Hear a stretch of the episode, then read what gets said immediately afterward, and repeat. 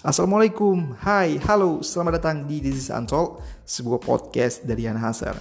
Materi-materi yang ada di podcast ini merupakan materi-materi yang berkaitan dengan self-development, self-improvement, how to build business from scratch, self-awareness, dan juga pesan-pesan kegagalan yang dirangkai menjadi kalimat-kalimat motivational yang berasal dari pengalaman Yen Hazer dan juga sejumlah teman-teman yang nanti juga akan kita angkat kisahnya di podcast ini. Jadi di mana pun kamu berada saat ini, please enjoy This is Untold.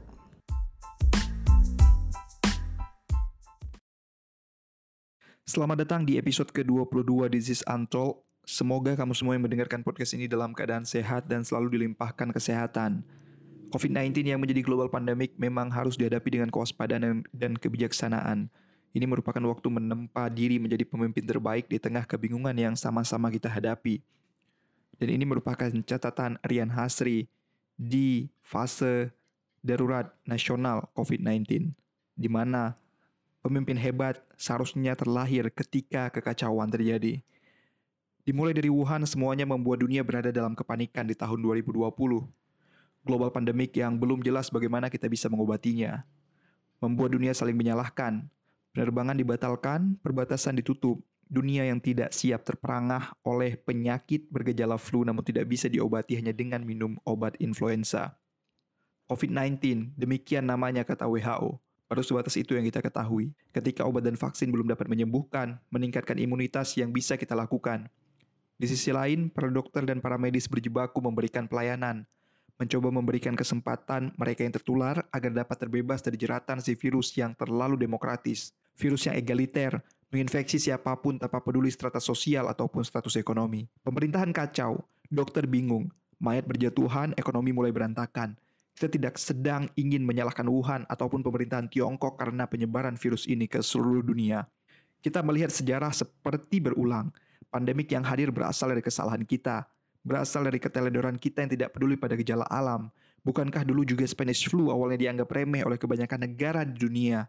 Sampai akhirnya merebak menjadi pandemik, barulah kita tersadar bahwa manusia selalu punya keterbatasan. Namun keterbatasan itu bisa didobrak ketika mau membaca lebih banyak dari pertanda yang hadir.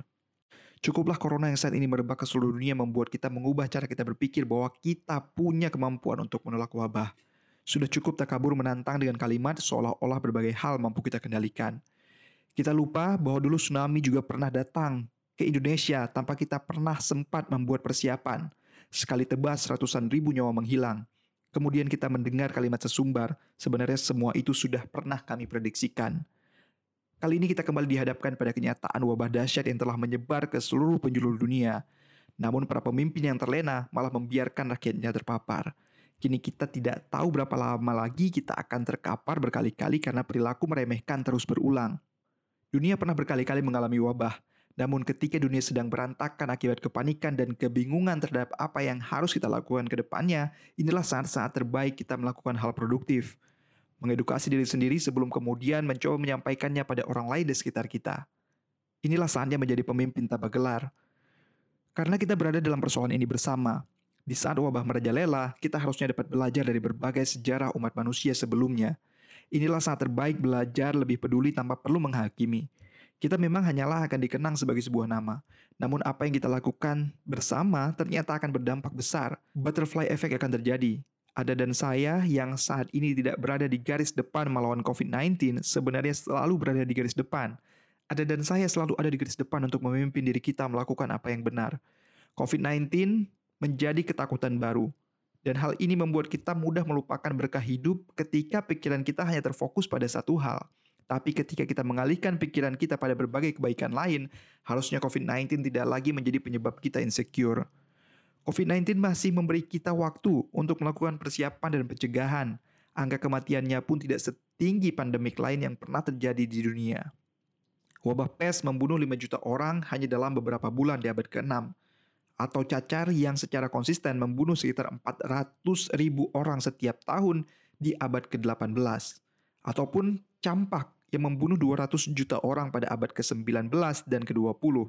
Dan terakhir, kita mengingat flu Spanyol yang juga merenggut 50 juta jiwa pada tahun 1918. Memang ada negara dengan kasus kematian yang tinggi, tapi itu bukan berarti umat manusia akan gagal mengatasinya karena titik terang mulai terlihat. Kita menjadi mengerti apa yang harus dilakukan dengan tepat. Dunia memang membaik, namun tantangan pastinya tidak akan berhenti hanya di fase teratasinya COVID-19. Wabah ini mengajarkan kita untuk mampu memimpin diri kita sendiri bahkan ketika negara bingung. Wabah ini mengajarkan kita untuk mau produktif mencari hal-hal yang berkaitan dengan pencegahannya. Ada satu kisah menarik mengenai bagaimana salah satu pemimpin besar Nabi Muhammad SAW memberikan arahan dalam memimpin kaumnya ketika wabah menimpa. Wabah penyakit yang terjadi di zaman Rasulullah SAW memang bukan virus corona. Wabah tersebut salah satunya ialah kusta yang menular dan mematikan sebelum diketahui obatnya. Nabi pun memerintahkan tidak dekat-dekat atau melihat orang yang mengalami lepra atau leprosi. Social distancing, kini kita menyebutnya. Nabi Muhammad SAW juga pernah memperingatkan umatnya jangan berada dekat di wilayah yang sedang terkena wabah. Jika kamu mendengar wabah di suatu wilayah, maka janganlah kalian memasukinya. Tapi jika terjadi wabah di tempat kamu berada, maka jangan tinggalkan tempat itu. Hadis riwayat Bukhari. Hadis ini mirip metode karantina yang kini dilakukan di beberapa negara untuk mencegah penyebaran penyakit. Kini kita melihat sejumlah negara melakukan metode ini, namun sudah lebih kontekstual dengan kondisi yang dibutuhkan. Sekarang kita mengenalnya dengan nama lockdown. Selain kusta, Nabi Muhammad SAW juga pernah menghadapi wabah di masa hijrah ke Madinah. Saat itu, situasi Madinah dikatakan sangat buruk dengan air yang keruh dan penuh wabah penyakit. Menghadapi situasi tersebut, Nabi Muhammad SAW meminta pengikutnya untuk sabar sambil berharap pertolongan dari Allah Subhanahu wa taala. Rasulullah SAW mengajarkan agar kita tidak hanya takabur pada usaha yang kita lakukan, namun harus menempatkan Allah di tempat yang utama. Selain di masa Rasulullah, kisah wabah penyakit juga ada di masa Khalifah Umar bin Khattab. Dalam hadis diceritakan, Umar sedang dalam perjalanan menuju Syam saat kabar wabah penyakit diterimanya dalam perjalanan. Hadis yang dinarasikan Abdullah bin Amir mengatakan Umar kemudian tidak melanjutkan perjalanan. Umar sedang dalam perjalanan menuju Syam saat sampai di wilayah bernama Sarh. Saat itu Umar mendapat kabar adanya wabah di wilayah Syam. Abdurrahman bin Auf kemudian mengatakan pada Umar jika Nabi Shallallahu Alaihi Wasallam pernah berkata, jika kamu mendengar wabah di suatu wilayah, maka janganlah kalian memasukinya. Tapi jika terjadi wabah di tempat kamu berada, maka jangan tinggalkan tempat itu. Hadis riwayat Bukhari. Dalam hadis yang juga diceritakan Abdullah bin Abbas dan diriwayatkan Imam Malik bin Anas, keputusan Umar sempat disangsikan Abu Ubaidah bin Jarrah. Dia adalah pemimpin rombongan yang dibawa Khalifah Umar. Menurut Abu Ubaidah, Umar tak seharusnya kembali karena bertentangan dengan perintah Allah Subhanahu wa taala. Umar menjawab, dia tidak melarikan diri dari ketentuan Allah Subhanahu wa taala, namun menuju ketentuannya yang lain. Jawaban Abdurrahman bin Auf, ikut menguatkan keputusan khalifah tidak melanjutkan perjalanan karena wabah penyakit. Wabah penyakit sejatinya tidak pernah diharapkan muncul hingga mengakibatkan kekhawatiran. Namun selalu ada alasan mengakibatkan wabah penyakit muncul dengan dampak yang tidak bisa diperkirakan. Kisah kepemimpinan lain dalam menghadapi wabah juga pernah dialami oleh Kaisar Romawi Marcus Aurelius. Aurelius layak dipelajari oleh siapa pun dalam posisi kepemimpinan mana pun. Dia mencari dan membawa yang terbaik. Dia mengisi stafnya dengan bakat bukan bangsawan, kroni, ataupun hanya yang memiliki politik sejalan. Dia benar-benar mendengarkan saran ketika wabah kolera menerpa. Dia memberdayakan orang untuk membuat keputusan. Dia mempekerjakan Galen, dokter paling terkenal dan polimath dari zaman kuno untuk memimpin kuliah medis dan demonstrasi anatomi. Ia ingin mengangkat nada intelektual dari istananya. Galen yang Aurelius berdayakan untuk memimpin upaya memerangi wabah merupakan dokter dengan pikiran medis paling cerdas di masanya. Setelah timnya berada di tempat, Marcus Aurelius mengalihkan fokusnya ke krisis ekonomi yang berkembang. Utang lama yang terhutang kepada pemerintah dibatalkan upaya penggalangan dana dimulai dengan menunjukkan kepemimpinan inspirasional. Seperti yang ditulis oleh McLean, Marcus Aurelius melakukan penjualan saham dan harta kekaisaran selama dua bulan. Tidak hanya furnitur mewah dari apartemen kekaisaran, piala emas, bendera perak, kristal, dan lampu gantung, tapi juga pakaian istrinya yang bersulam sutra serta perhiasannya.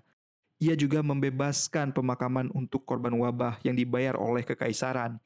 Dia juga mengaudit pejabatnya sendiri dan tidak mengizinkan pengeluaran tanpa persetujuan. Dalam suatu krisis, orang harus percaya bahwa pemimpin mereka melakukan hal yang benar dan bahwa mereka memikul beban yang sama dengan warga negara, jika bukan yang lebih besar.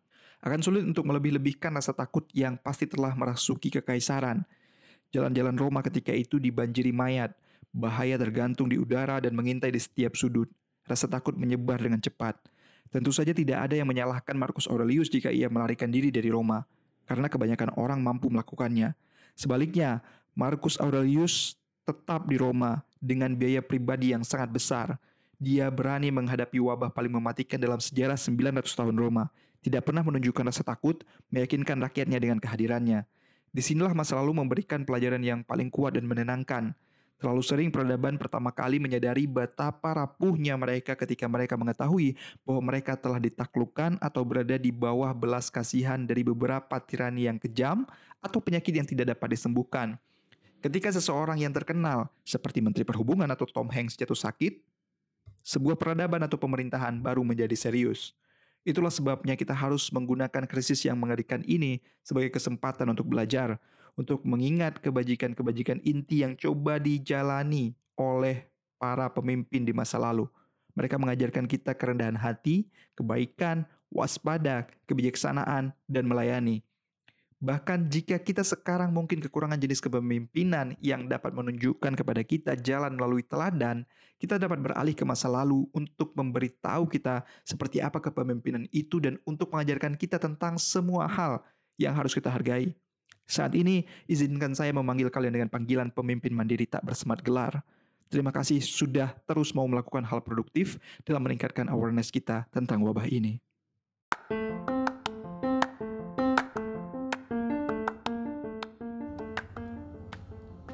Terima kasih sudah mendengarkan episode podcast kali ini dan jika kalian mendapatkan manfaat dari podcast-podcast This is Untalk, tolong sebarkan ke teman-teman kalian, ajak mereka juga mendengarkan This is Untalk karena akan lebih baik jika energi positif yang kalian dapatkan juga kalian tularkan ke sekeliling kalian.